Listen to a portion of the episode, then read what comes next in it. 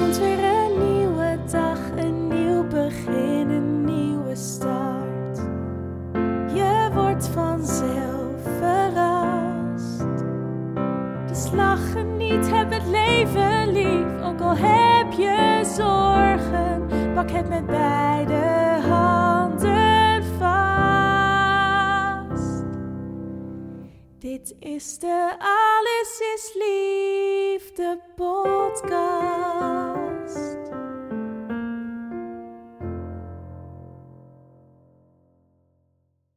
Welkom bij de Alles is Liefde podcast. De podcast over liefde, seks en relaties.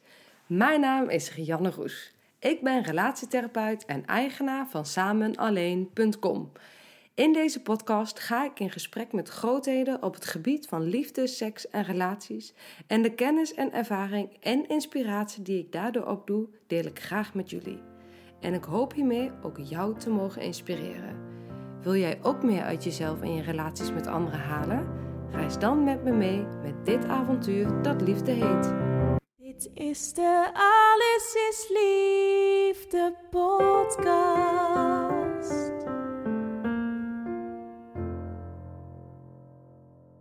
Ja, daar zijn we weer met een nieuwe podcastaflevering.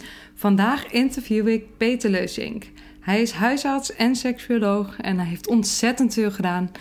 En ik ga hem zadelijk zelf vragen om zichzelf voor te stellen, want het is een hele lange lijst aan ervaringen, aan kennis, aan visie en missie. En ik denk dat uh, geen ander dat zo goed kan verwoorden als uh, Peter zelf. Dus Peter, welkom. Wat ontzettend fijn en heel erg bedankt dat ik hier vandaag mag komen en dat je tijd wil vrijmaken voor dit interview. Echt heel erg blij ben ik daarmee.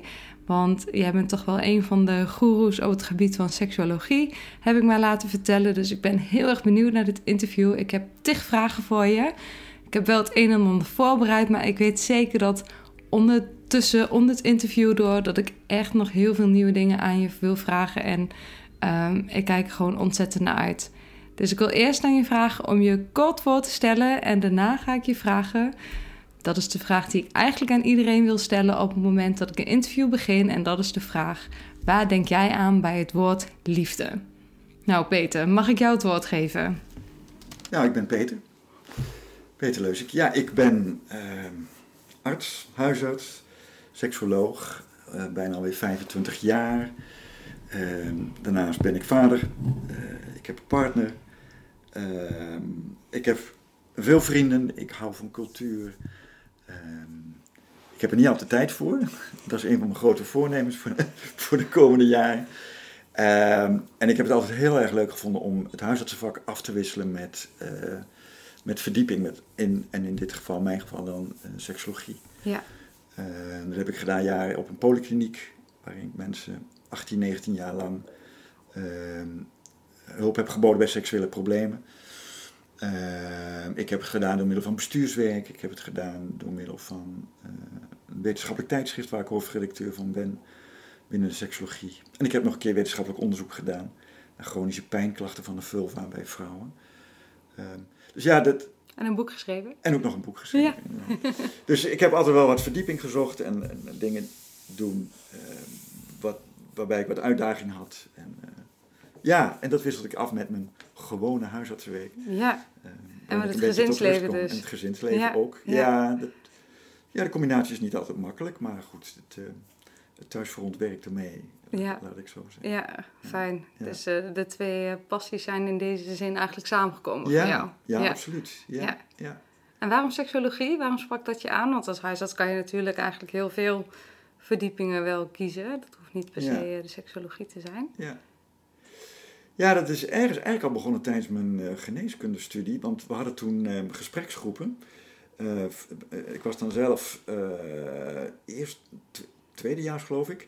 En we werden begeleid door ouderejaars geneeskundestudenten. En je leerde in, dat, in die werkgroep leerde je praten over seksualiteit. Omdat je dat, het leren kennen van je eigen waarden en normen over seksualiteit... Ehm, kon je weer helpen om als arts andere mensen weer te helpen. En wij hadden toen een hele leuke gespreksgroep. En ik ben zelf later die groepen ook gaan begeleiden. Dat is één. En ten tweede werkte ik toen bij de NVSH-hulptelefoon. Dat was toen nog. De NVSH? SH, de Nederlandse Vereniging voor Seksuele Hervorming. Dat was toen eigenlijk een soort belangengroep eh, die vanaf de jaren 40, 50 opkwam voor seksuele rechten. Ja. Daar kon je toen condooms kopen en er waren toen seksplaatjes. Porno is niet zoals we het nu kennen nog one click away. Nee. Dat, je moest daarvoor speciaal naar een seksshop en dat ging allemaal nog in het geniep.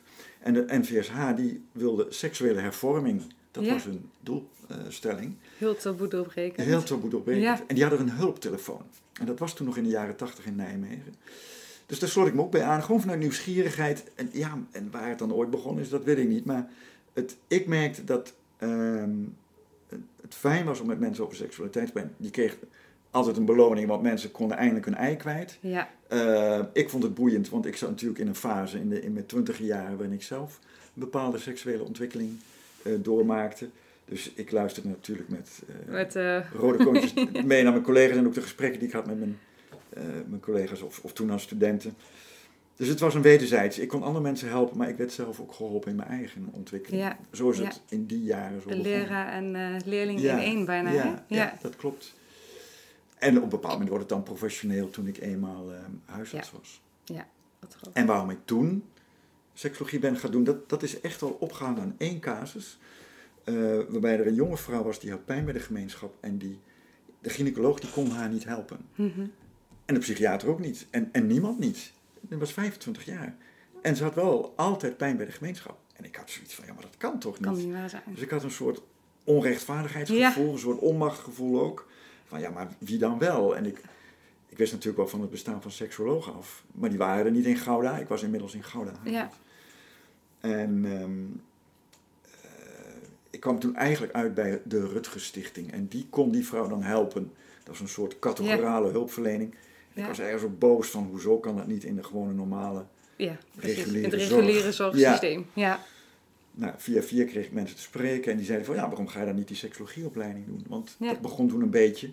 De eerste erkende eh seksoloog in Nederland is in 1994. Is En het ik pas ben zo recent? Ja, dat is echt pas heel recent. Oh, 25 jaar geleden. ja. Toen zijn pas de geregistreerde seksologen. er was wel een groep vanaf de jaren 70, 80 die zich schoolde. Ja. Maar dat was niet een erkend Erkende scholing. scholing met een certificaat en systematische manier van eh, opleiden. Nee. Er waren wel maatschappelijk werkenden en wat psychologen en ook wel artsen, die waren er wel mee bezig. Ja, ja. Maar het was niet ehm, in professionele zin een gecertificeerde opleiding. En dat, Nee. de eerste gecertificeerde opleiding begon in 94. En 94. ik heb hem in 97. Weet je, je hoorde echt bij de eerste, re- Ja, eerst bij de de eerste, generatie. het derde of vierde jaar was ik. eh, ja. Ja, en, ehm, maar goed. En ehm, ja, dat was echt een openbaring. ja, ja. En, eh, en ik ben toen ook in 98 een website begonnen, seksualiteit.nl, waarin ik eh, eh, aandacht wilde geven op een serieuze manier aan seksualiteit. Want dat was Ja. er toen nog niet. Ook de Rutgers had toen nog geen website. Nee. Of, Nee, niemand niet. nee, eigenlijk was het... Ik kon seksualiteit.nl kon je gewoon, ehm, gewoon Claimen. claimen. Ja, het ik hoefde hem niet over te kopen. Nee. Wat ik later wel heb gedaan. En, maar daar zullen we het maar niet over hebben. Maar, ehm, dus ik kon hem gewoon... Ja, Ja, eh, dat, en- bestond gewoon nog bestond niet. Nee. Niemand nee. had hem. Ik de was de domeinnaam was nog eh, Nee, die was nog vrij. vrij. Dan Ja. moest je een faxje moest je sturen naar, eh, hoe heette dat toen, World Online of zoiets. Of, nou ja, goed, doet er ook allemaal niet toe. Maar dat Ja. was een pionierstijdperk. En Ja. eh, ik deed toen ook al consulten per e-mail. En dat was allemaal heel Leuk. nieuw. En, Ja, ja Eh, baanbrekend ook bijna, hè? Dat dat via eh, de digitale eh, weg kan. ja. En op Ja. een bepaald moment wa- waren eh 1300 bezoekers eh, per dag. Dat was mijn piek. Ergens om 2002, 2003. En ook in die tijd, hè? In die tijd, ja. ja. Dus dat, eh, Ja. nou, Wat goed. mooi. Dus hier zit wel echt iemand met heel veel kennis, maar ook zeker ook heel veel affiniteit met het onderwerp eh, ja, seksologie. Ja, Ja. waarin ik ook eh, heb, altijd heb beoogd om het te normaliseren naar het algemene publiek. ja. Ook al vrij snel voor eh, televisieprogramma's. Ja, toen zo'n programma ergens in 2000, Edele Delen heette dat. er waren zes uitzendingen en nou ja, een beetje eh, hoe, hoe seksualiteit werkt of Ja. hoe seksuele problemen, hoe, hoe dat gaat en wat, wat je mensen dan van hulp kunt bieden. Ja. Nou ja, Ja. Van alles. al- Ja. van alles om het ook Om- een beetje voor het publiek, algemeen Ja. publiek, toegankelijk te maken. Ja, precies. Dat het niet een eh, elite of een eh, exclusief ding is, wat Nee, maar niet- voor 1% nee, precies. van de bevolking eigenlijk Ja, hebben we er allemaal mee te maken. Klopt, ja. En ik ga je dus dadelijk heel veel vragen over stellen, maar ik ga terug naar mijn eerste vraag. Waar denk jij aan als ik zeg liefde? Jee, dat is een hele moeilijke vraag. Hè? Ik weet het. wat is liefde? Maar ik vind het een hele interessante vraag. Ehm, liefde is, ehm, eh, naar mijn idee, dat je een. ehm, eh, dat, dat je zodanig verbindt met een ander. Waardoor het eigenlijk niet meer uitmaakt dat die ander eh, fouten maakt. Mhm. Of het, het, het gevoel van eh, je, hebt, je, hebt, je hebt ruimte voor een ander, voor zijn, zijn of haar eh, oneffenheden of zwarte randjes. Of, eh, Bijna het onvoorwaardelijke. het, het, ja, het, het, het heeft iets onvoorwaardelijks, Mhm. maar niet helemaal. Nee, Want er zitten wel grenzen aan. Want Ja. in liefdesrelatie kun je juist ook ruzie maken. ja. Want Ja. dan raakt iemand jou aan jouw grens. En dan, hè, maar dat kun je ook vaak alleen maar met die ene. Daarin. Dus het, het feit dat je met iemand ehm, als een kleinkind, eh, of als twee kinderen, of als twee zusjes, of als broertje, zusje ruzie kunt maken. Ja, Dat, dat vind je ook vaak in die partnerrelatie. ja. Wat je eigenlijk bij collega's niet doet. Nee, daar zit bij- altijd een sociaal wenselijke Er zit een, een eh, sausje context, er zit iets ja. overheen. Of Ja. ook, eh, ik heb vrienden waar ik leuke dingen mee doe. Waar maak ik nauwelijks echt ruzie mee? Nee, Tenzij je er misschien een keer op mee op vakantie gaat. En, en, nou echt ja, te lang. Maar niet te lang, want dan hou je... Hè, dus, de- in gewone vriendschappen zijn er altijd net bepaalde grenzen. Die sociale grenzen, ja. En dat heb je in een, in een, in een, in een liefdesrelatie niet. Omdat je daarin... ehm, je, je, die, die grenzen wat durft op te rekken met elkaar of persoonlijk. ehm, waarin je ook je eigen zwarte kant, eh, negatieve kant mag zijn. mag zijn en durft te laten zien. Ja. Maar van de ander ook. Hè? Eh, maar je houdt die verbinding, want het, is, het, is niet, eh, het heeft niet de opzet om elkaar kwijt te raken. Nee, je blijft in verbinding, Ja, ondanks en hè, zelfs misschien wel dankzij hoe diegene in elkaar zit. Met al zijn goede kanten, minder goede kanten. ja. Dat Ja, is voor jou En liefde. dat, dat, ja. En dat, ja, precies. En, ah, en dat voelen, dat die ruimte er ligt, Ja, dat voelt als een, een, een heel speciaal gevoel. ja, Niet, niet een exclusief gevoel. Ehm, ik bedoel, ik, ik kan het voor, voor enkele mensen op... op hè, ik, ik heb verschillende liefdesrelaties gehad, dus, je- dus ik kan het voor meerdere mensen opbrengen. ja, ja. Ehm, maar het is ook niet zomaar eh, over te brengen op een willekeurige vriendschap. Dat, dat- vriendschap is toch anders. Is anders, hè? Ja, ja, ja. En dat zit hem dus niet alleen in de seks. Want dat zeggen soms mensen, hè? Want als Nee. we dan in, in een partnerrelatie Nee. zitten waar geen seks meer voorkomt, ja, dan zijn we net vrienden of broer en zus. En toch denk ik dat het anders is. Dat liefde ook nog ergens anders over gaat. Ja, liefde gaat ook ergens anders over, dat klopt. En toch, ehm, toch vind ik seks wel een heel belangrijke manier om je te, om, om, althans voor mij, om het te verbinden. Ja, ja. Het hoort er wel bij. Ja. Ik zou niet Ja. alleen een liefdesrelatie kunnen hebben. Nee, zonder seksualiteit, nee. Eh, maar als andere mensen dat wel hebben, dan is dat prima. En die zijn, ik ken die mensen ook wel. Ja, Ehm, mensen die, die soms al 10 of 15 jaar, 20 jaar geen seks hebben. ja, En toch een goede liefdesrelatie, ja, naar hun normen. Ehm, voor, voor mij hoort het wel bij elkaar. ja. Ja. Ja. Maar ik kan ook wel seks hebben zonder liefdesrelatie. Ik moet wel wel iets van een vriendschap hebben hoor. Ja, ja. Het hoeft niet... eh, Dan spreek ik wel over, over mijn verleden. Dus, Ja. Maar ehm, in, in het begin van mijn seksuele carrière kon ik seks hebben zonder dat ik dat daar nou een echte hele intensieve liefdesrelatie ja. aan te. Maar het was altijd wel vanuit. mm, Ik moest wel iets met die Een bepaalde mensen hebben. kennis, ja. laten we zeggen. Hè? Een bepaalde klik of een bepaalde... ja, ja, ja. ja, Ik een zal een van de contact. weinige Nederlanders zijn die, die weinig of misschien bijna tot geen one-night stands. Die, die one-night stands was altijd omdat ik die mensen toch wel kende. Ja, ergens via via. Dan of is het een eenmalig avondje. seks, ja, maar dan ja. kende ik ze wel. Ja, snap je? Dus precies. Het waren niet de losse vlodders die, eh, Nee. die eenmalig in de, in de kroeg opschoten. voor mij althans. Ja, ja. Nou, dankjewel voor het mooie antwoord. En ehm, het is altijd een moeilijke vraag, hè, om de vraag wat is liefde te beantwoorden. En ehm, ik ga hem denk ik nu een wat makkelijkere vraag stellen. Eh, want ik ben ook benieuwd, hè, hoe verloopt de seksuele ontwikkeling nu? Want ik weet dat het vanuit het biopsychosociale model heel erg eh, benaderd wordt. Ja. Ehm, ik weet ook niet of voor de luisteraars helemaal helder is wat het biopsychosociale model inhoudt. Dus zou je in het, vanuit dat eh, kader is kunnen toelichten hoe de seksuele ontwikkeling hè, grofweg verloopt. Wat zijn belangrijke mijlpalen of wat zijn belangrijke factoren die van invloed zijn?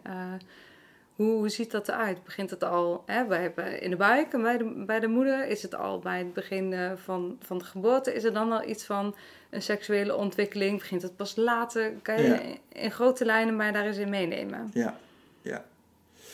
Ja, seksuele ontwikkeling. Hè? Dus het hangt heel erg vanaf van hoe je seksualiteit definieert. Als je seksualiteit definieert als ehm, ehm, dat het pas begint vanaf de puberteit, waarin je eerste opwindende fantasieën krijgt, of je eerste opwindende seksuele lichamelijke reacties, Mhm. dan zou je kunnen zeggen, dan begint dat rond de puberteit. Ja, Maar ik denk dat het eerder begint, omdat, en dat, dat zie je ook in de hele seksuele ontwikkeling, ehm, seksualiteit begint eigenlijk al echt vanaf de geboorte, dus vanaf het eerste huidcontact. Op het moment dat je geknuffeld wordt, ja, aangeraakt wordt door je ouders ja, ehm, of door anderen, hè, maar de ouders zijn erin heel belangrijk, hè, dan, dan vindt die hechtingen al plaats. En hechting is zo'n belangrijk element in het later eh, met een partner of andere partners of met Mhm. mensen je goed kunnen verhouden. ja, Seksueel, ook in een liefdesrelatie, maar ook seksueel. Omdat je dan niet de angst hebt dat de ander je verlaat. Mhm. Dus ook niet geneigd bent om de ander maar tegemoet te komen of bang te zijn voor dat contact. Dat begint al helemaal in die allereerste vroege huidcontacten. contacten. Ja. Wij, wij slaan lijfelijk ehm, die liefdesband, hè, die Mhm. verbinding, slaan we ook lijfelijk op. En hoe eh, bedoel je dat, lijf? Nou, dat, we, ehm, dat een aanraking prettig is. En er komen ook hormonen bij vrij, dat weten we ook. Mhm. Oxytocine bijvoorbeeld. Daar is het biologische begint al. Ja, Aanraking, ja, ehm, het ontspannen van spieren. ehm, het, eh, een, een hormoon wat gekoppeld wordt, oxytocine, met een prettig gevoel. Het zuigen aan een borst, tepel, Ja. speen. ehm, op je eigen duim zuigen. ehm, nou ja, eh, die, die hele fase van veiligheid en eh, verzadigd zijn en je prettig en warm voelen bij een ander die je Mhm. ruikt. En nou, dat hele zintuigelijke ja, begin in die eerste levensjaren is heel erg belangrijk. ja. Veiligheid, warmte.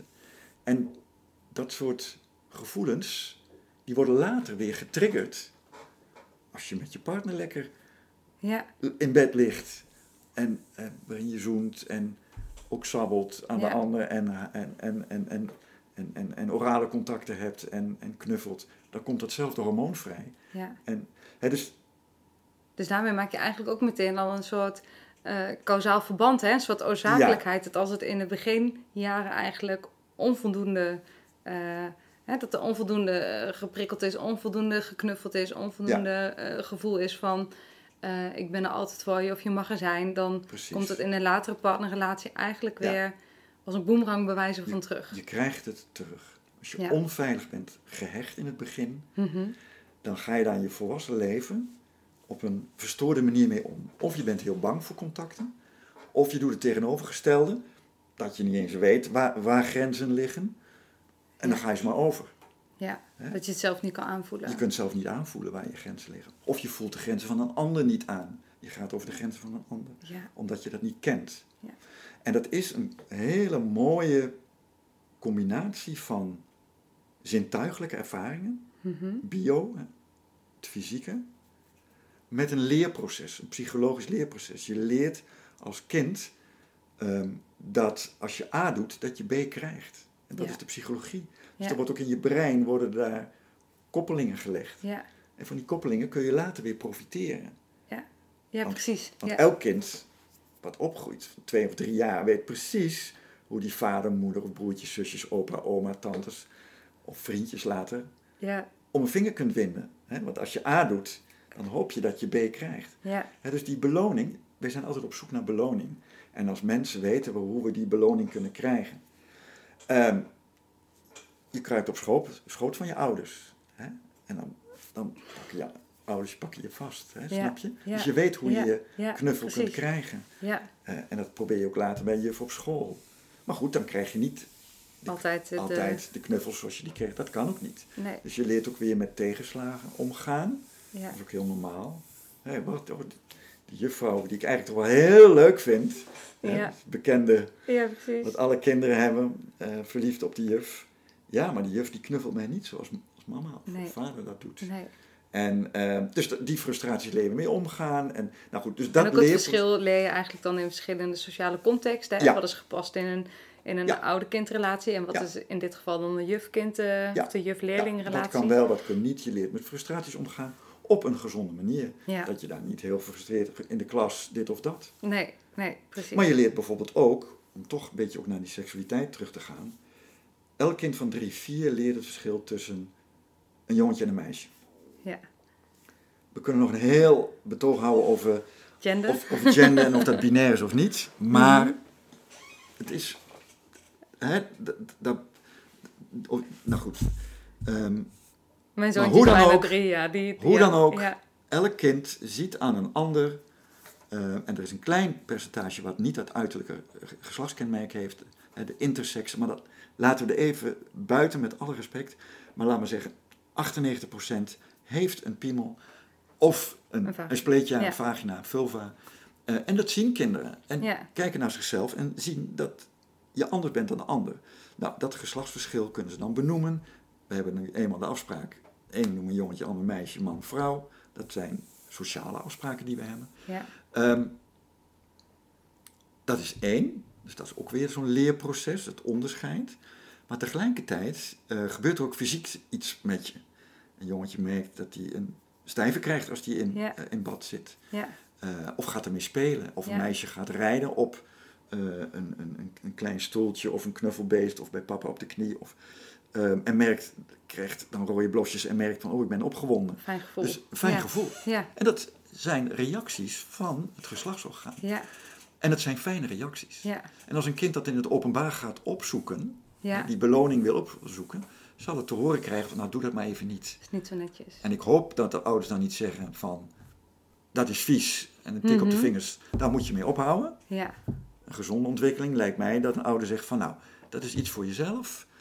Doe dat maar als je s'avonds op bed ligt of als niemand het ziet. ja, Want dat is iets voor jezelf en daar mag je van genieten. ja, precies. Je kan wel, mag wel het plezier benadrukken hè, ja, als ouder dus dat zijn. is de, van, positieve boodschap. Dit is Ja. plezierig, maar doe het nou niet in de omgeving, want niet iedereen snapt dat. Of niet iedereen vindt het prettig om te zien. Ja. Nou, dat is een... En dan Dus zit je zo- eigenlijk alweer op het sociale aspect, hè? Want dat Dus zijn dat weer de leefregels. Dus dan krijg je alweer een boodschap mee. Ja, ja, precies. En ehm, nou, dan, dan, dan, dan groeien kinderen op en die gaan naar school. En ehm, nou, gaan misschien spelletjes spelen met elkaar, gaan naar elkaar kijken. Wat kan wel, wat kan niet. En dan krijg je ook weer die sociale context van ja, dat het niet hoort om zomaar bij de ander met je hand in, in, in het broekje te komen. Ja, Ehm, dat, hè, dat, dat dat niet vanzelfsprekend is, maar dat die ander daar toestemming voor moet geven. ja, ja, Dat, dat zijn ook weer sociale regels. ja. Dat je erover moet communiceren. Dat Over begint eigenlijk dan al, hè? Ja, Dat is wel Het echt... verschil eh, tussen mijn en ja. dijn. Ja, ja. Dit is mijn lichaam, dit is jouw lichaam. En dat is niet alleen met seks of met geslachtelijkheid of geslachtsorganen, of hoe je het ook noemt. Maar dat heeft ook te maken met ehm, iemand wel of niet slaan. Hetzelfde is met pesten. Dus dat verschil tussen mijn en dijn. En het schoolplein is daar ontzettend belangrijk. Vriendjes, ja, dus het buiten het gezin. Nou goed, zo al die fases. Dus daar zit een, een ehm, je hebt verschillende sociale contexten. Ja, Het is een leerproces. Wat vind je prettig en niet? Wat wel of niet kan, regels, psychologisch. En je lichaam, en dat noem je dus bio, psychosociaal. ja. Dus er zijn heel veel factoren. ja, En dan heb je ook nog de expliciete boodschappen over seks. Wat zeggen ouders, want dat zijn vaak de eerste mensen Ja. die een boodschap uitzenden, over seks. Ja, Ah, maar doe dat televisieprogramma uit.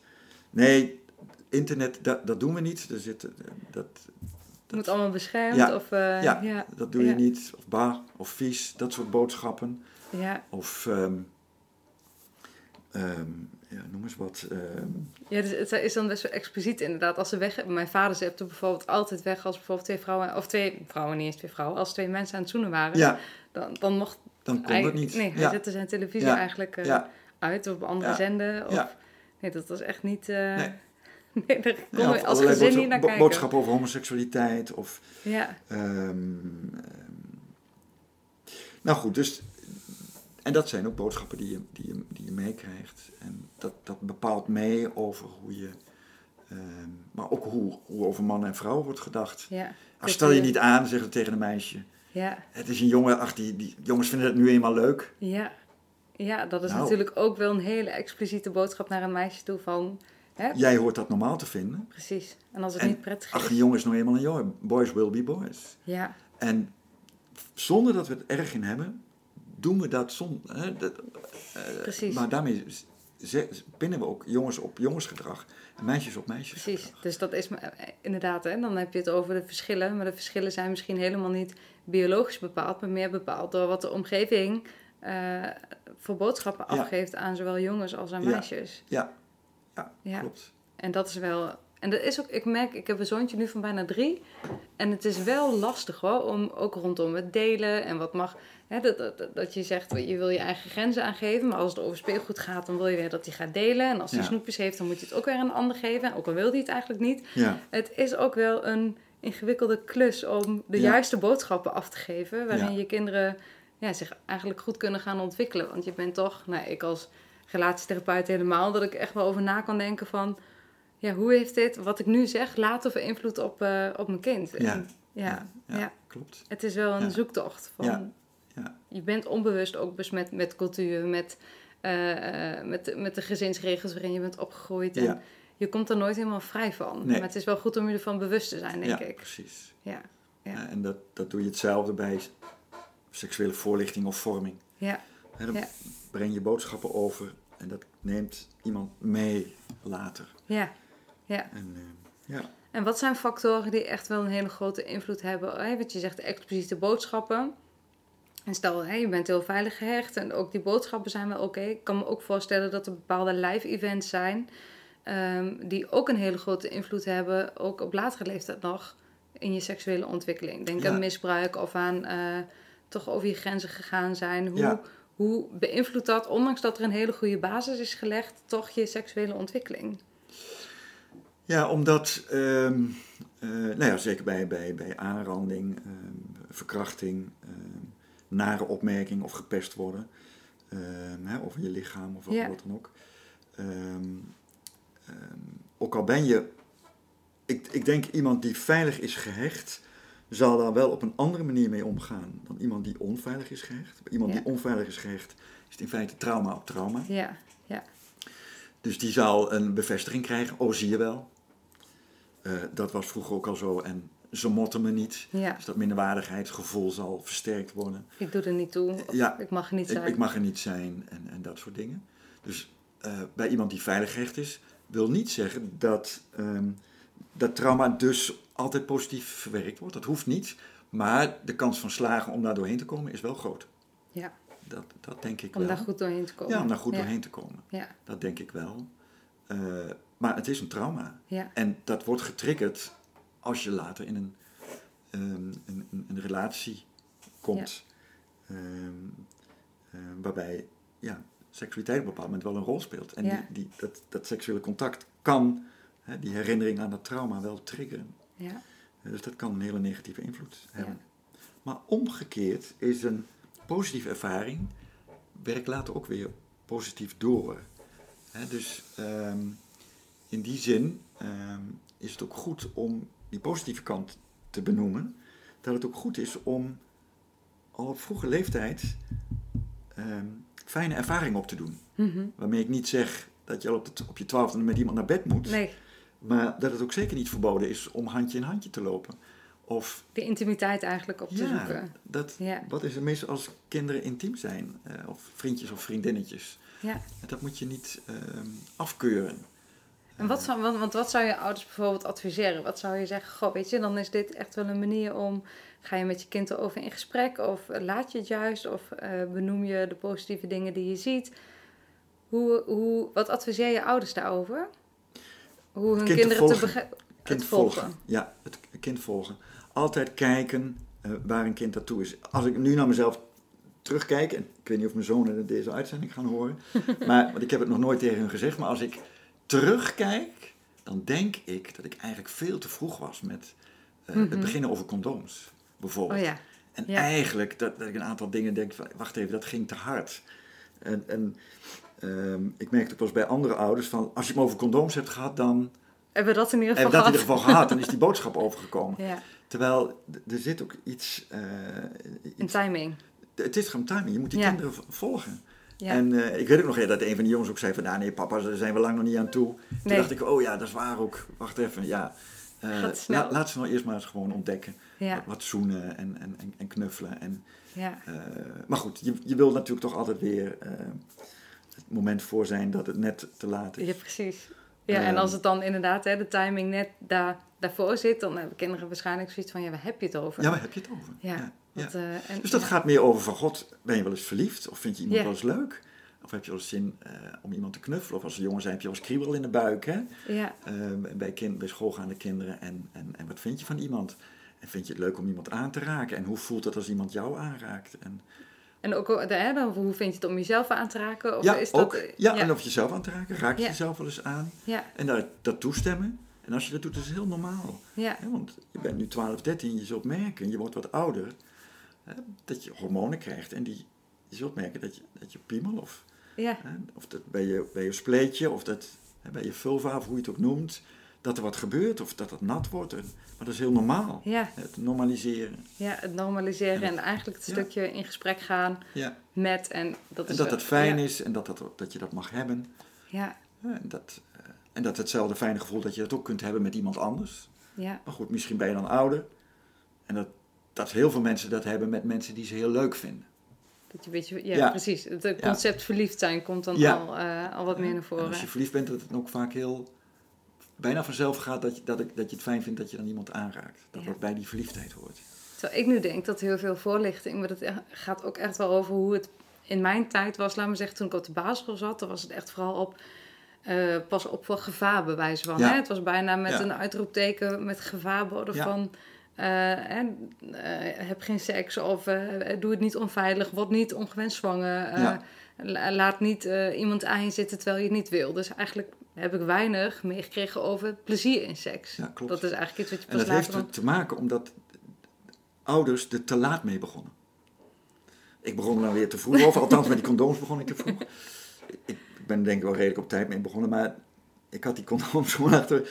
Maar de, ehm, want dus ouders beginnen pas over seks als er ook gevaar zou kunnen komen. Oh ja. Snap je? Ehm, Ja. Terwijl als je al eerder begint, toch, vanaf de achtste, negende, hoef je echt niet bang te zijn dat Nee. er gevaar is. Nee, Een meisje van negen wordt niet zwanger. nee, En een jongetje van acht kan echt niet iemand zwanger maken, snap je? Dus laat die condooms en die, dat enge, laat maar achterwege. Ja, ja, En een jongetje van acht kan ook niet verkrachten. Hè? En, ehm, dus ehm, wat ik ermee wil zeggen is van over, die, die, die, ehm, over seksualiteit praten als plezier, lichaam, zintuigen, Ja, contact, verbinding, verliefdheid. Dat, dat kan ergens tussen je achtste en de twaalfde. ja, En, en dan zeggen mensen, ja, maar dat is toch niet seks? Jawel, maar dat, dat zijn al die voorwaarden tot seks. Dat zijn Mhm. al die elementen die je later meeneemt. het is de seksuele ontwikkeling die, die ertoe ontwikkeling, die bijdraagt vorming om ja, Om later een goed seksleven te kunnen hebben. eh, die, die geilheid eh. Ja, toe te laten. ja, Met, met, met een kind van 8, 9 heb je het niet over die geilheid of Nee. opwinding, snap je? Dat, dus je moet het ook heel gefaseerd, die seksuele vorming. ja. Dus dat, Het is echt het volgen, hè? dat is wat je heel erg duidelijk aangeeft. Ja. Hou het kind gewoon goed in de gaten en ja, observeer eigenlijk wat je ziet en benoem dat. En Ja. geeft het, het, benader het vanuit een genormaliseerde, maar ook plezierige context. Ja. En, ja. En, en wees niet bang als, als, als, als, als, als twee kinderen van 9 jaar een beetje staan te zoenen op een feestje. Ga daar niet al te spastisch over doen. Maar, Nee. Ja, maar dat is denk ik wel, wel iets wat veel ook wel toch gebeurt. Hè? Dat gaat het over seksueel misbruik. Of Ja, hè, kindjes die in dezelfde leeftijd met elkaar, eh, weet ik veel, in de kleuterklassen, in de poppenhoeken, mm, naakt tegen elkaar gaan liggen. Nou, dat zal in een kleuterklas misschien niet zo snel gebeuren, maar toch misschien Ja. in een dat thuissituatie. ja.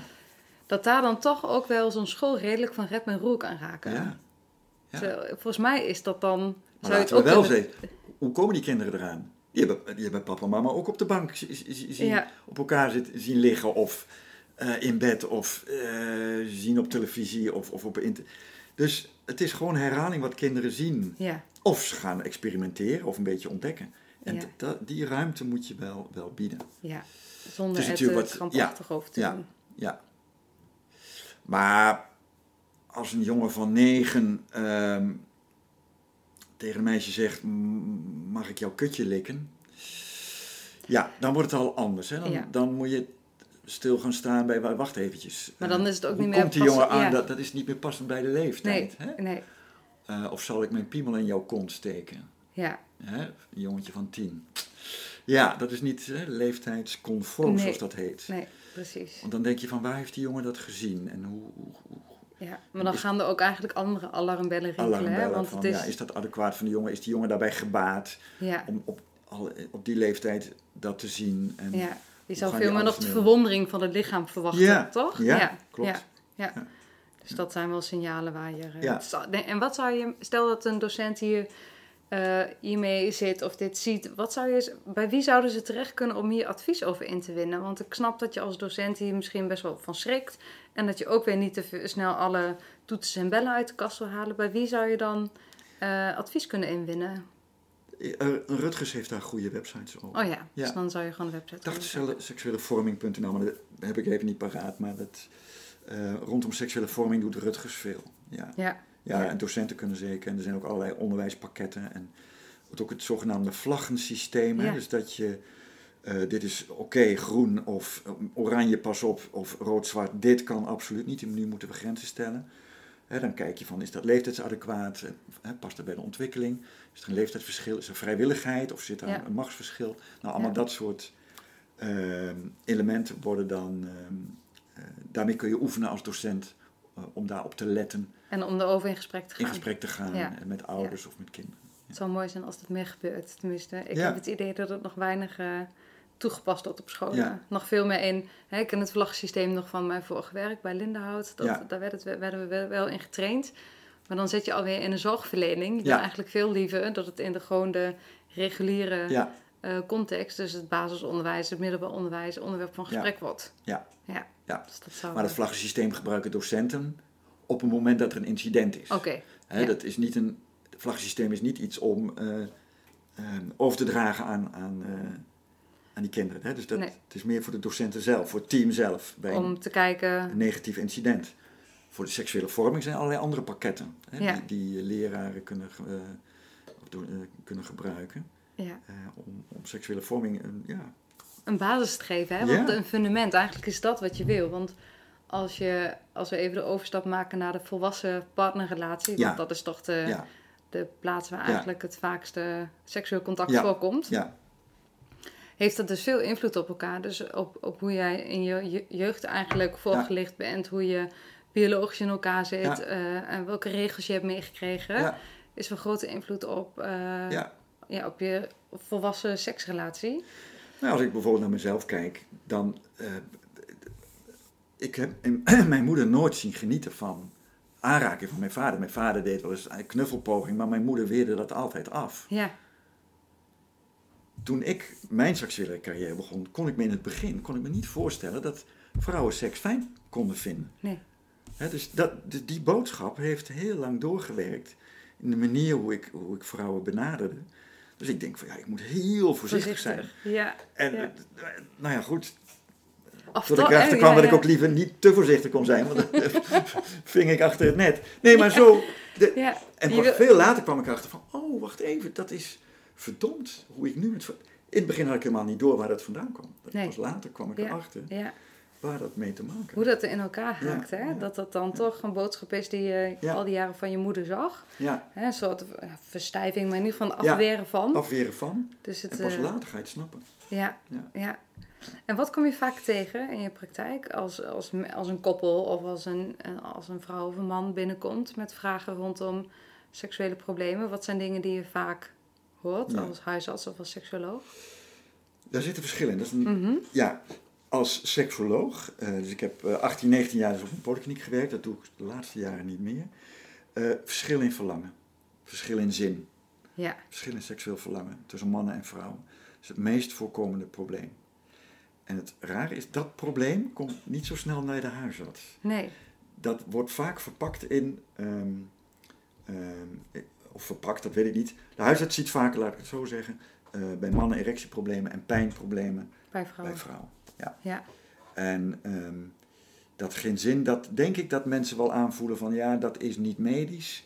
Hiervoor moeten we toch andere hulp zoeken. Ja. Dus ik denk dat ze dan of rechtstreeks naar een seksoloog gaan, ehm, of boeken gaan lezen, of op websites zich gaan eh, oriënteren, of wat dan ook. En hoe verklaar je dat verschil in verlangen? Want ik zie het natuurlijk in mijn praktijk ook, hè, dat een hypothese die ik heb is dat op een gegeven moment als de relatie minder goed loopt en eh, minder gevoel van verbinding is, dat de vrouw eh, eigenlijk een soort van de poort dicht doet. En dat, eh, dat de man wel verlangen heeft, maar dat de vrouw in die zin doorgaans zegt: Ik heb geen, geen verlangen meer in seks met jou op dit Ja. moment. Is dat iets wat je herkent? Dat dat, dat, dat Ja, de dynamiek is? Dat is heel vaak de dynamiek. Ja, Maar naar mijn idee heeft dat te maken, of ze, ze komen op een bepaald moment in, in, ehm, in, in, in zo'n cirkel. Zij gooit de deur dicht en hij gaat nog harder trekken om die deur open te doen. ja de gas en Waardoor zij nog meer de deur dicht houdt, want eh, hij is zo hard aan het werk en, en zij, zij wil, nee goed. Dus dat is een soort eh, ver- versterkend eh, effect. Ja. Maar dat heeft te maken, naar mijn idee, met het, het feit dat een soort vooronderstelling is dat seks altijd spontaan gaat. En Mhm. vanzelf gaat in een relatie. Of dat je daarover niet hoeft te communiceren. En dat ehm, als je. ehm, eh, dat je elke dag zuurkool lust. Ja, Terwijl ik denk, wij eten toch niet elke dag zuurkool? nee. Hoe kom je daar nou bij? Ja, ja. Maar dan gaat Ja, het over variatie. Afgelopen zaterdag aten we ook zuurkool. Vond je het ook lekker? Ja, Ja, vond je het ook lekker? Waar- waarom wil je dat nu? ja, ja. Dus dan is het een, Nou. een arme communicatie eigenlijk. Ja. Hè, dus de, ehm, ehm, eh, het idee dat ehm, eh, als je je seksueel voelt, dat je dus dat ook maar tot uiting zou moeten brengen. Ja, En dat daarvoor de ander tot jouw beschikking staat. ja, En dat is wel een man-vrouw dingetje hoor. Van, ik voel me opgewonden en ik neem initiatief naar haar. En oké, misschien moet ik haar wel een beetje opwarmen. Hè, Mhm, mhm. Maar eh, dan komt zij ook wel. Want ja, seks is seks. En als je van Ja. elkaar houdt, dan dan geef je dat elkaar dat vanzelf. Of, gebeurt dat vanzelf. Of je gunt het elkaar. Of je geeft het elkaar. Snap je? Dat soort dingen. En dat is eigenlijk een hele rare vooronderstelling. Ja, Want het is jouw ehm, eh, seksuele reactie. ja, Jouw verantwoordelijkheid ook om iets met dat seksuele gevoel te doen. Dat seksuele gevoel wordt wel getriggerd door jouw partner, maar dat wil niet zeggen dat, ehm, ehm, dat daar dus ook je partner aan deel moet nemen. nee, En als je dat wel wil, dan moet je daarover communiceren. ja, Goh, ik, ik, ik heb zo zin in je, of ik Ja. vind het zo lekker, of ik, ja, ik voel me geil, of ik voel me opgewonden, of heb je ook zin om, ja. of nou ja, maar als dan de ander nee zegt, ja, Dan moet je dat accepteren. dan zul je dat toch moeten accepteren. Ja, Tenzij ze, hij of zij, hè, want het gebeurt ook wel andersom hoor, dat zij wel zin heeft en hij niet. eh, als die deur heel vaak dicht gaat, keer op keer. keer op keer. Maar dan zul je met elkaar in gesprek moeten. Goh, is er iets? Vind je het niet prettig meer? Of wat, op welke manier zou je het wel fijn vinden? Ja. Of kun jij aangeven wanneer, hè, wat, wat, wat is voor jou nodig om Om weer te kunnen genieten. Of, Of eh, ik- ja. ja, of om met, met mij seks te hebben. Of, Ja. Maar die communicatie maar het daarover. begint dan met ik. dat- Ik heb zin ja, om met jou te vrijen. Ja, In plaats van, ja maar jij. Hè? Dus jij, ik boodschappen zijn heel belangrijk Ja, om, ehm, om er over te om er in ieder geval over te gaan praten met elkaar. om je eigen behoefte aan te geven. Ja, dat je zelf verlangen hebt. Maar en- niet verwijten dat die ander die behoefte niet heeft, maar wel geïnteresseerd van, maar ik heb wel behoefte aan jou, maar hoe, hoe kunnen we ervoor zorgen dat, dat we samen... Ja, en voor, dat stuk heb je ook wel weer een bepaalde basisverbinding, liefde, hè, zoals we Ja. eigenlijk in het begin van het interview starten. Ja, Als dat wankelt, als, daar, Ja. als dat fundament begint te kraken, dan is het natuurlijk veel lastiger om dit gesprek te voeren. Terwijl het wel nodig is om de seksuele relatie weer tot bloei te brengen. En dat is waarschijnlijk ook weer bevorderlijk voor hoe het fundament zich kan herstellen. Dus je komt al snel in een negatieve spiraal terecht. negatief spiraal. Ja, Je ziet het bijvoorbeeld bij vrouwen die onveilig zijn gehecht, ehm, zich minder waardig gaan voelen. Ik mag er niet zijn, ehm, die gaan pleasen. ja, in de hoop dat, dat er maar wel aandacht komt als ik hem maar seks geef. Ja, Want dan houdt hij wel van mij of blijft hij wel bij mij. ja, precies. Dat is een manier om binden, seks als, als bindmiddel. Ja, Seks Of- kan ook bindmiddel zijn hoor, op een hele positieve zin. Dat, op zich is er niks Mhm. mis mee, maar als dat de enige manier Mhm. is om, als dat een motief is. Motief is. ja, ja, en daarbij jezelf verliest ja. En hem maar pleest, En eigenlijk niet stilstaat bij wat vind ik nou fijn, Nee, waar wat ik nou nee. opgewonden van, wat is voor mij plezierig. Dat, eh, En dan krijg je dat zij die grenzen overgaat. En na drie, vier, vijf jaar erachter komt, maar verdomd, ik vind werk helemaal niet meer leuk. nee, We doen al, al, al drie, vier keer per week hetzelfde, al vijf jaar lang. Ja, maar nou, alleen Ja. maar omdat hij dat wilde en ik hem volgde. zo dienstbaar was om, ja, En dan op, opeens misschien zegt van ja, nou is het klaar. ja, En dan gaan de hakken in het zand. En als die mensen dan niet geleerd hebben van te kijken van wat is daar precies aan de hand. En dit is, dit is maar één Mhm. scenario wat Ja. ik schetst, hè, wat, wat soms speelt. Maar er zijn allerlei scenario's mogelijk. Ja, want wat, wat, wat is dat meestal? ehm, want ik vind het altijd best een moeilijke spiraal om te doorbreken. Ja. Hè, om met koppels daar überhaupt het gesprek over te hebben. Ik merk ook dat soms toch vaak, ja, het is misschien stereotyp gezegd, maar ik zie het ook gewoon veel in de spreekkamer, dat ook vrouwen niet goed kunnen benoemen wat hun plezier geeft, of wat ze zelf zouden Ja. willen, of waar ze, wanneer ze wel. En ik heb ook wel eens een vrouw gehad die zegt, ja, ik voel het gewoon helemaal nul meer. Ja. Niet met mezelf, niet met mijn partner, niet. Ik weet niet wanneer ik voor het laatst opgewonden ge- geweest Ja. ben. En dan voel ik me ook wel bijna handelingsverlegen. Dat ik denk, ja, ik kan, niet, ik kan er niet in stoppen wat er niet... eh, Nee, Wat dus dan moet je gaan kijken van ehm, wa- waarom, waarom voel je, hè, dus je moet dan terug in wanneer heb je wel je seksueel gevoeld. ja, Hè, dus zeker bij dit soort problemen wat jij nu noemt, ja, dus moet je heel erg die seksuele biografie gaan uitvragen. ja, ja. Want soms zijn er inderdaad, wat je zegt, stellen die al twintig jaar Ja, geen... van eh, waar is het ergens, waar, waar ben je het verloren? ja, Waar ben je kwijtgeraakt? en het zou dus ook kunnen, wat jij zegt, die hypothese die je stelt. Hè? Stel dat je altijd heel dienstbaar bent geweest naar je partner toe en eigenlijk je eigen... Over je grenzen heen bent gegaan. Ja, Ja. ja, Of, eh, of toch gepest, of, of toch heeft iemand een keer een opmerking over je gemaakt. Toen je daar als meisje van acht in je zwempak eh, rondliep en, en, en iemand Zo zei dat je te dik het, was. Zo kwetsbaar is het soms. Ja, Hè, Dat zijn van ja. die one-liners, van die zinnetjes, van die kleine trauma's. En eh, die mensen bl- blijven bevestigen. van die mantra's bijna die, Ja. die, hè, die, die je dan blijft herhalen. Ja. ja, ja. Ja. Maar goed, in de, laten we zeggen, even los van trauma's en los van, van, van Mhm. hechtingsproblematiek. ehm, seks verandert in een relatie. Het blijft nooit hetzelfde. Nee, We eten niet altijd zuurkool. hè, nee, dus nee, precies. Daar heb je niet altijd zin in. En, Nee. ehm, ja. En terwijl als we zeggen van, god, heb je zin om vanavond mee te gaan naar de film? En je zegt nee, en ik heb wel zin om naar de film te gaan. Is dat geen enkel issue? Nee, Dat accepteren we. ja. Dat daar een verschil in bestaat. Maar als er een verschil in seksuele behoeftes, dat tolereren we niet. En dat, dat is die maatschappelijke eh, Norm. die soort norm die er Dat is dan ook een boys will be boys, wil je hè? Dat, bo- Ja? dat dan, zoals jij het stelt, dat mannen dan... Ik word ook- geil, dus Dus ik heb recht op. ik heb recht op. En nou weet die jongen ook wel dat hij dat recht niet, niet mag opeisen, maar hij gaat Dat wel zeuren. hij- Ja, Hij gaat wel jengelen als een kind. ja, Want dat heeft hij vroeger, daar, gaan we weer, ook geleerd. ja. Om te doen. Als hij ging jengelen om een koekje. Ach, dat zijn, zo zijn jongens nu eenmaal. Ja, Hup, jongen Ja. een koekje. ja, En meisjes moesten verstandig zijn.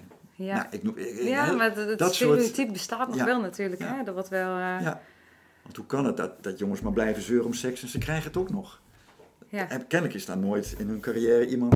En er is ook dus de, de vrouw eigenlijk niet die dus aangeeft, ja, je kunt het wel willen, maar dan eh, ga ik, zet maar een filmpje op. Ik heb vanavond eh, niet zoveel trek. Dat kan ook, hè, want Ja. masturberen is ook seks. Ja, precies. Ja. Dus dat is, hè, dan is het... Als dat- jij behoefte hebt aan seks, zou, zou hij kunnen masturberen Maar ik denk dat dat dan ook weer soms lastig is Ja. in een relatie. Dat, Ja. een, hè, dat Ja. de partner dan zegt, nou, dan ga jij maar even naar boven of onder de douche, wat je wil. Ik doe even niet mee. Om dan te verdragen dat die ander dus een seksueel contact met zichzelf heeft. En misschien wel hè, de- in, in zijn fantasie of op een beeldscherm met, ja. met nog meer eh Maar dat, dat is de mythe van de, de romantische seks. Dat je dat altijd met je twee hebt en dat die ander daarin ehm, jou in te- tegemoet moet komen. En ik snap wel dat het fijn is samen, maar je Mhm. kunt het niet altijd van de ander opeisen. op eisen. Nee. Nee. Want soms lijkt het ook, hè, dat eh, heb ik in de vorige podcast ook genoemd, van alsof ehm, vrouwen geven seks en mannen krijgen seks. Ja. Dat, Oh ja, ja, dat, dat, dat, ja, het verbaast me soms zo. Dat ik denk, gewoon maar een vrouw krijgt er ook seks, maar zo lijkt het soms. Hè? Dat, dat, hoor ik in gesprekken met koppels. Dat, eh, ja, maar dan heb ik hem ook al wat gegeven. En dat ik denk, huh? Ja. ik snap wel hoe het dan voor dat koppel werkt. Maar het is Ja. toch bijzonder dat ik het al meerdere Ja. keren hoor. En ik, ja, die is dynamiek. een heel, heel Ja. belangrijke die je zegt. Ik zeg het ook wel eens, als ik mensen zag op de poli, eh, dat ik tegen die mannen zeg van, eh, in, in, jullie, in jouw seksuele relatie, kom je iets brengen of kom je iets halen? Ja, Dat is precies hetzelfde. ja, precies. En dan keken die mannen ja, ze- maar ze snapt het altijd wel. Ja, De mannen denken vanuit halen, Ja. ja, krijgen, ja. en niet van brengen en geven. Dat is echt meer een vrouwending, dat klopt. En ehm, Terwijl het Maar ook als- aan ons vrouw is om het op te eisen. Dat vind ik ook wel hoor. Om Ja. dan wel te zeggen, goh, ik vind, zou het fijn vinden als je me nu juist, eh masseert. dus- of, ja. Ja, daar wou ik net naartoe. Hè, dus we moeten wel uitkijken van, om, om dan alles nu bij de man te leggen dat hij maar moet, moet wachten. En, en dat hij het fout doet en niks mag opeisen. Dat, maar er zit ook een andere kant aan. Ja. Ook zij mag wat assertiever zijn en aangeven wat zij dan lekker vindt. Tenzij ze zegt van, ja, maar ik wil geen seksuele relatie met jou. Maar dan moet zij ook de guts hebben om... Hè, dus je kunt niet van tweeën één. nee, Ehm, en ehm, dan helpt het ook nog wel eens om aan te vragen van wie, wie heeft de macht in de relatie? ja. Degene dan- met de minste zin. Degene met de minste zin. En dat is soms een enorme eye-opener. Omdat soms denkt de vrouw van ja, die man heeft macht, want hij zeurt maar. Hij drukt, hij geeft. Hij drukt, hij, hij komt, eh, hij zit te zeuren en alles op te eisen. Dus hij heeft de macht. En dan maak ik kenbaar van nee, jij hebt de macht. Ja, Even ervan uitgaan dat het Ja. niet afgedwongen wordt, hè, want dan is het Nee. natuurlijk heel wat anders. Daar hebben we het nu niet over. Zij heeft de macht. ja. En wat doet dat met een vrouw als ze dat hoort? Dat ze beseft dat ook zij een rol heeft Ja. in die dynamiek. Ja, En dat zij niet een slachtoffer is, maar dat zij daarin die dynamiek meedoet. ja, En dat ze allebei uit die slachtofferdaden moeten. En dat het iets is wat eh, A versterkt B, B versterkt A. Dat ze allebei een bepaalde reactie laten zien. ja. En dat beide reacties het, het, het probleem veroorzaakt. En niet, Niet één. niet één. Nee. En Nee. dat is, ehm, en, en- en dat zie je ook nog wel eens in, in, in het begin van, mensen komen van, zij heeft geen zin, dus zij heeft een probleem. Ze komen dan iemand brengen, bij wijze Ja, van, hè? ja. Hier, hier heb je Ja. er. Maak haar. Want, eh, ja. en dat zag ik met name eens bij mannen, omdat ik een mannelijke therapeut, wat seksoloog was, ben nog steeds. Ehm, mannen proberen dan met mij een soort bondje, ja, die alliantie soort van eh, alliantie te gender. van, wij begrijpen elkaar. Ja. Zij- we moeten haar aan de praat krijgen. Ja, we moeten haar Nou, dat is helpen. aan mij helaas de slechte. Ja, Maar als je het gewoon op een, op een hele professionele manier goed uitlegt. Dus je moet eerst goed, eh, je moet niet meteen naar oplossingen toe. Dat, dat heb ik ook tegen die, die eh, eh, goede sekstips boeken. ja, Ehm, van even een quick fix. Je moet het goed uitleggen. Je moet goed aan mensen uitleggen wat er speelt. En hoe dat ze beide daarin een rol hebben. Dat het niet iets verwijtbaars is. nee. Maar dat het ook te maken heeft met hun, voorgeschiedenis Ja, met hun opvoeding, met hun boodschappen, met hun precies. mythes, hun maatschappelijke normen die ze hebben. Als je dat uitlegt en die mensen met elkaar in gesprek brengt daarover, Kunnen er wel echt hele mooie dingen gebeuren. ja, Ja. En, en dan neem je ze mee en dan laat je ze dat zien. Want ze moeten uit die, uit die verwijten komen. Ja, En ook toestaan dat die verschillen er even zijn nu. ja, Ik zeg ook van, ik kan jullie niet binnen de drie maanden als een, een, een, een gezond vrijend koppel. Dat, dat, dat, dat gaat niet nee. lukken. En het doel is misschien ook inderdaad niet hè, het, het verlangen gelijk krijgen, maar Nee. de communicatie erover Ja. eh, helder hebben. Ja. Dat er over gesproken kan worden, dat er respect is en dat Ja. er op een andere manier vormgegeven kan worden, zodat iedereen eigenlijk tevreden is. Ja. Ja. Ja. Want is het zo dat, ehm, ik denk dat het zo is, dat seks in duurzame relaties ehm, echt minder wordt en soms zelfs verdwijnt? Ja. Hoe, hoe verklaar je dat? Heeft dat dan ook met die communicatie te maken? Of komt het door andere factoren? Of zie jij dat trouwens ook in je praktijk? Ik merk het wel, maar is, Ja, ja, nee, dat zie ik ook in mijn praktijk. Nou ja, kijk, er is een deel van de mensen die oprecht zeggen van... het heeft voor mij minder waarde, minder Mhm. betekenis. Want ik heb seks niet meer nodig om die verbinding te blijven maken. Ja. Hè? precies. Ja? Eh, ik heb ook eh, die, die intimiteit of die liefdesrelatie of wat dan ook... is voor mij ook heel betekenisvol. Ik hoef dat niet telkens bekrachtigd te zien. En ehm, ik word ook minder snel opgewonden van mijn partner of van beelden of fantasieën. Dus dat is één groep. Ehm, dan heb je een groep mensen die, ehm, doordat ze ouder worden, ziek worden. Mhm.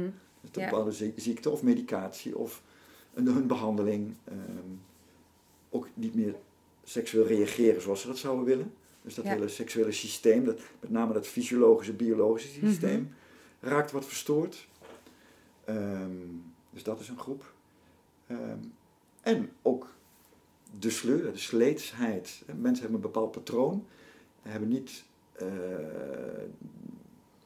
de guts of de moed om dat bespreekbaar te maken, want ze Mhm. zijn bang voor conflicten daarover. Ja, En laten het maar zoals het is. ja. Ehm Die doen al En- eh, twintig jaar hetzelfde. toen had je en- hetzelfde en eigenlijk vinden ze het niet meer prettig, maar ze durven het ook niet aan te gaan om Nee. daarover te communiceren. Nee, ja.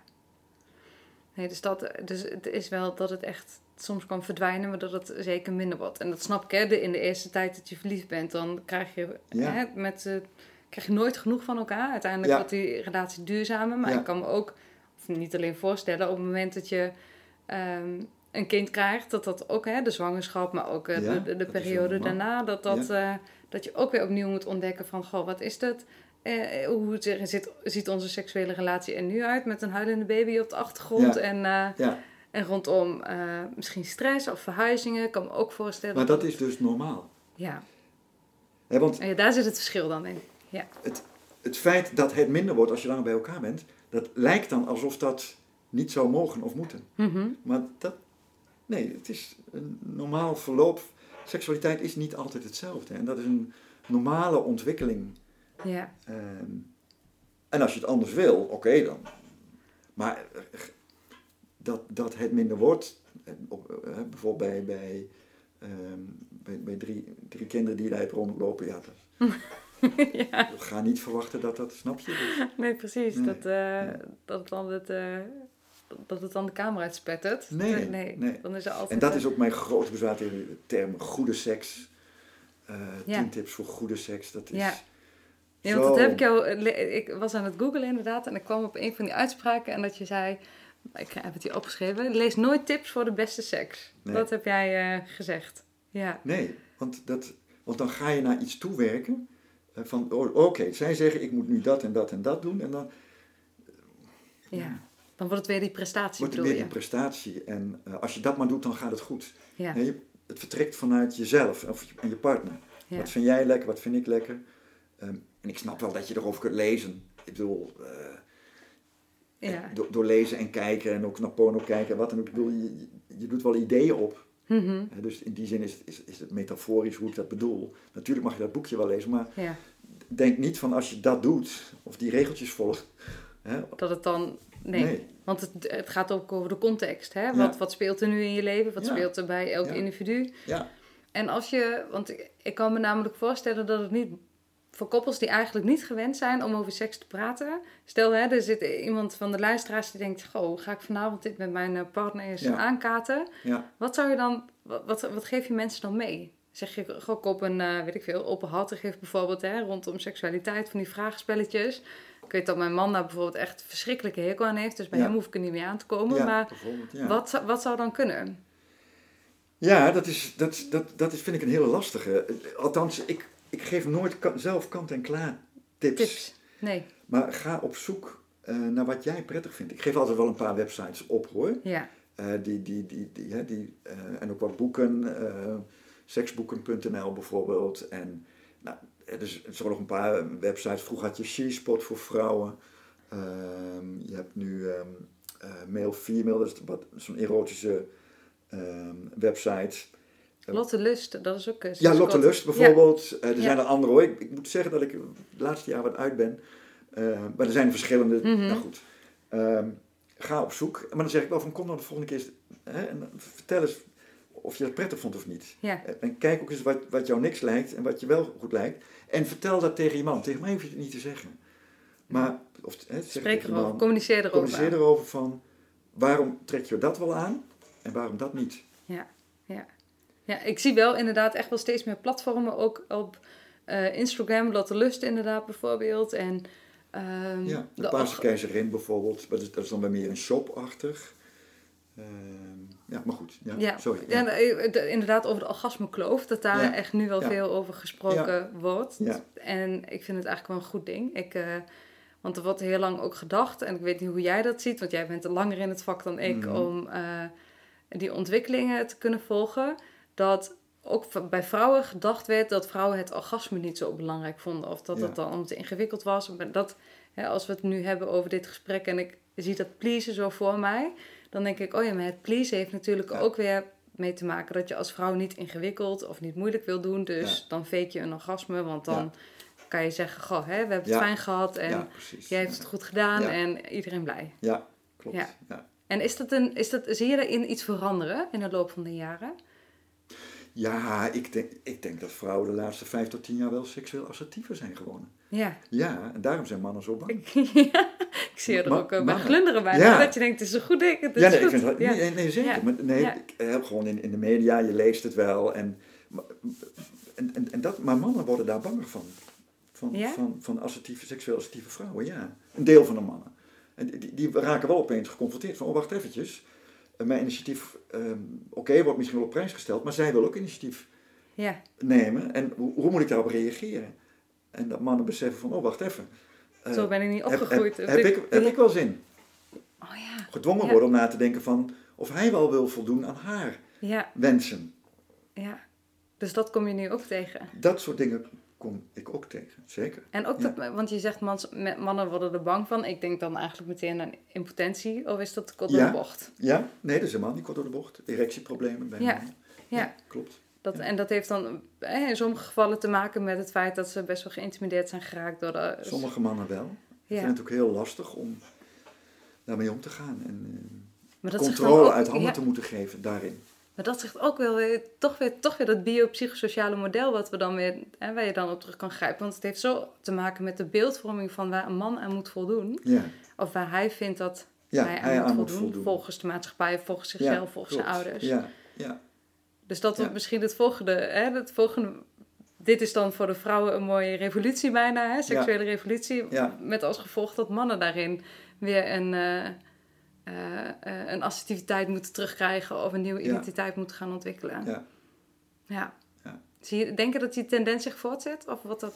Weet ik niet, vind ik lastig. Nou, ik denk de, wel de tendens dat eh, vrouwen het heft in handen nemen. Ja.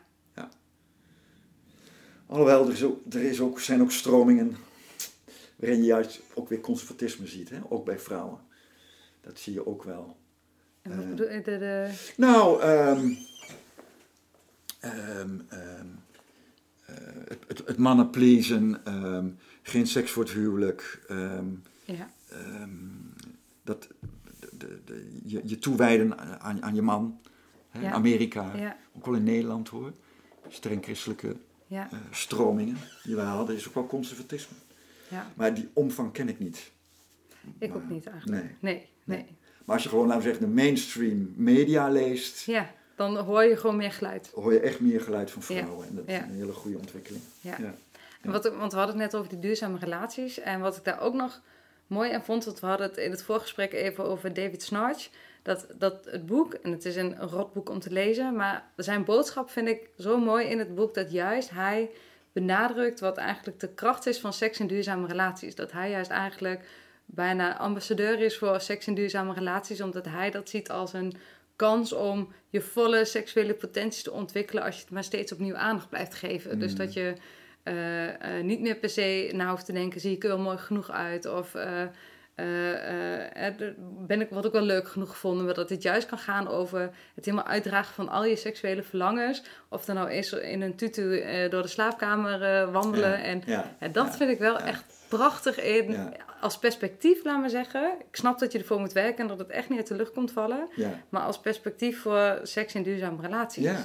Ja. Want ik- toch die duurzame verbinding. Tenminste, ik vind het zelf heel belangrijk. Ik ben twaalf jaar samen met mijn partner. Dus ik hoop ook nog wel heel lang seks te hebben. Maar niet, wel ook in een ontwikkeling verder, laat maar zeggen. Ja. Ja. Ja, ja, nee, dus het is heel goed mogelijk om tot op oude leeftijd prettige seks te hebben. Ja. Plezier te hebben aan seks. Ehm, ja, absoluut. Ja. Alleen voor mensen die dat niet willen, da, da, daar vind ik wel, moet je voor waken om dat ehm, te zeggen, Dus, dus heb je geen goede seks. Of Ja, dat is niet goed. om daar een oordeel over te Om daar een hebben. oordeel over te hebben. Ja. En dat, dat is een lastige. Maar wel op het moment dat mensen eh, met een behoefte komen of met een vraag komen. Dan Ja. wel, dan kun je erop inspelen. Ja. Dus, en dat, dat vind ik altijd wel van, de, er moet niet een soort nieuwe norm komen. eh, Nee. Waarmee je ook weer mensen ongelukkig maakt. Dat als dan een koppel komt ervan Ja. zegt, eh, het klassieke voorbeeld, de man wil geen seks meer, of de vrouw wil wel geen seks meer en de man wel. Ja, Dat, dat je gaat proberen de vrouw te maken en weer zin eh, gaat proberen te, de- ja. hè, te laten krijgen. nee. En terwijl het even goed zou kunnen zijn van, dat is even de andere kant op, Ja. is ook niet goed, tegen de man te zeggen, ja, jij stopt er maar mee. Hè, dus eh, uiteindelijk is dat volgens mij wat je zegt. Je moet ervoor oppassen dat je niet, dat de mensen die prima kunnen leven zonder seks, gaat opdringen Ja. dat ze toch seksueel actief moeten worden. klopt. Ja. Ja, Ja. ja. want het is, dat moet niet de norm zijn. Nee, dat moet niet de norm zijn. Nee. En dat is denk ik wel wat ik merk dat ik zelf ook dan denk, huh, maar is dat dan niet zo? Nee, dat- nou, dat, Ja. begrijp ik ook. Die- die- Ja. Dat is ook mijn eerste reflex. Hè? ja, Ik kan me niet voorstellen, dat is toch zo leuk. Ik bedoel, ja, doe toch. ja. Hè? Het zit Maar- toch ergens? Het moet toch in je Ja, zitten? hè? ja. ja. Hoeveel En, lagen? en, als, en als mensen die vraag hebben, wil ik dat ook wel met hun onderzoeken waar dat dan nog ergens is gebleven. Ja, Maar, laten we zeggen, als een soort maatschappelijke norm dat dat zou moeten of dat horen. Nee, Nee. helemaal niet. nee. Vooral echt zonder echt zonder seks hoor. Je, kunt, Ja, je gaat er niet door. je gaat er niet aan als je, als je, als je geen seks hebt. Nee. Nee, nee. Hey, we hebben denk ik echt al heel veel eh, mooie vragen beantwoord. Ik ga nog heel veel spieken op mijn, eh, eh, op mijn lijstje. Ik denk dat we eigenlijk alles wel hebben eh, besproken. Heb je zelf nog dingen waarvan je zegt, hey, dit eh, wil ik eigenlijk nog wel noemen? Of dit vind ik nog wel belangrijk om eh, aan te stippen? Ehm, ja, de, de man, hè, je had het net al over die vrouw. Ja, het, het, het, 2019 zou het jaar van de man zijn. Ja. Hè, dus Dat heeft de Esther Perel opgeroepen. ja, ja, in het kader van seksualiteit. Kijk, uit, uiteindelijk denk ik dat als de, als de, als de man ehm, niet, niet, lu- niet luistert naar, naar vrouwen, e- even vanuit, vanuit heteroseksuele relaties nu gedacht, Ja. Ehm, uiteindelijk wordt hij er alleen maar eenzamer van. Hè? Of de, ehm, Ja. ja, eh, dan, dan, dan, dan, dan verliest hij de verbinding. En ehm, dus uiteindelijk heeft de man er zichzelf mee. Ja. Dat, dat is eigenlijk wat ik tegen mannen zou willen zeggen. Zo van, doe eens een poging om naar vrouwen te luisteren. Ja, Probeer het nou eens gewoon. probeer het eens. Ja, Het is niet zo erg als het lijkt. Nee, nee. Want Nee, het, het, die vrouw heeft echt niet de intentie om je pootje te haken, snap je? Of, nee. eh, want Het is niet alleen maar een Nee. eh, marital sadism, zoals nee, Snaar nee, nee, zegt. nee, nee, is, eh, En, en, en natuurlijk zullen er hele valse vrouwen zijn, die zijn er ook, of dat weet ik wel zeker er zijn, die, die zijn er ook echt. ja, Maar laat me zeggen, voor, voor de, de gemiddelde man en de gemiddelde vrouw van, van ehm, ehm, ja, doe, doe daar toch iets mee, meneer. Eh, ja. eh, ja. Want daar komt dan toch nog een vraag over.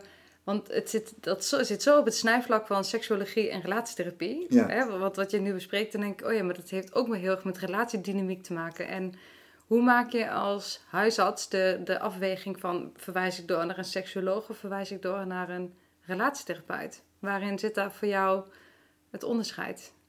Nou, voor mij ligt het onderscheid van ehm, ehm, niet, niet willen, niet kunnen. Is het niet kunnen? Ja. Ja, dan, dan een seksoloog in eerste instantie, Ja. even heel grofweg gezegd. Is het niet willen, als ik echt dat niet willen proef, Mhm. relatietherapeut. Ja, Ja. En soms de combinatie, er zijn genoeg seksologen die ook relatietherapeut zijn. ja, Dus dan ken je je, je netwerk, Netwerk. en is natuurlijk de combinatie, is, zou, Prachtig. zou heel mooi zijn. ja. Maar is het echt niet kunnen, of zit daar eh, een machtsstrijd, eh, of, of een gedoetje, ja, dan toch naar een relatietherapeut. Ja, ja, ja. En dat heeft heel veel raakvlakken met elkaar. Dat is, Ja, zeker. Ja, ja, dus eh, het zou ook mooi zijn als die vakken wat meer met elkaar integreren. Maar goed, daarvoor zitten we ook hier eh, bij elkaar een beetje, toch? Om die vakken samen te brengen.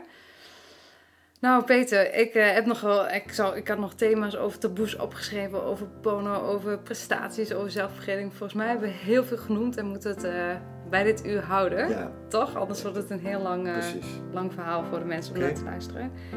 Ik wil je ontzettend bedanken voor je tijd en heel erg bedankt voor alle informatie en voor nou, het hele fijne gesprek. Want het was bijna meer een gesprek dan een interview, dus dankjewel daarvoor. Ja, graag gedaan.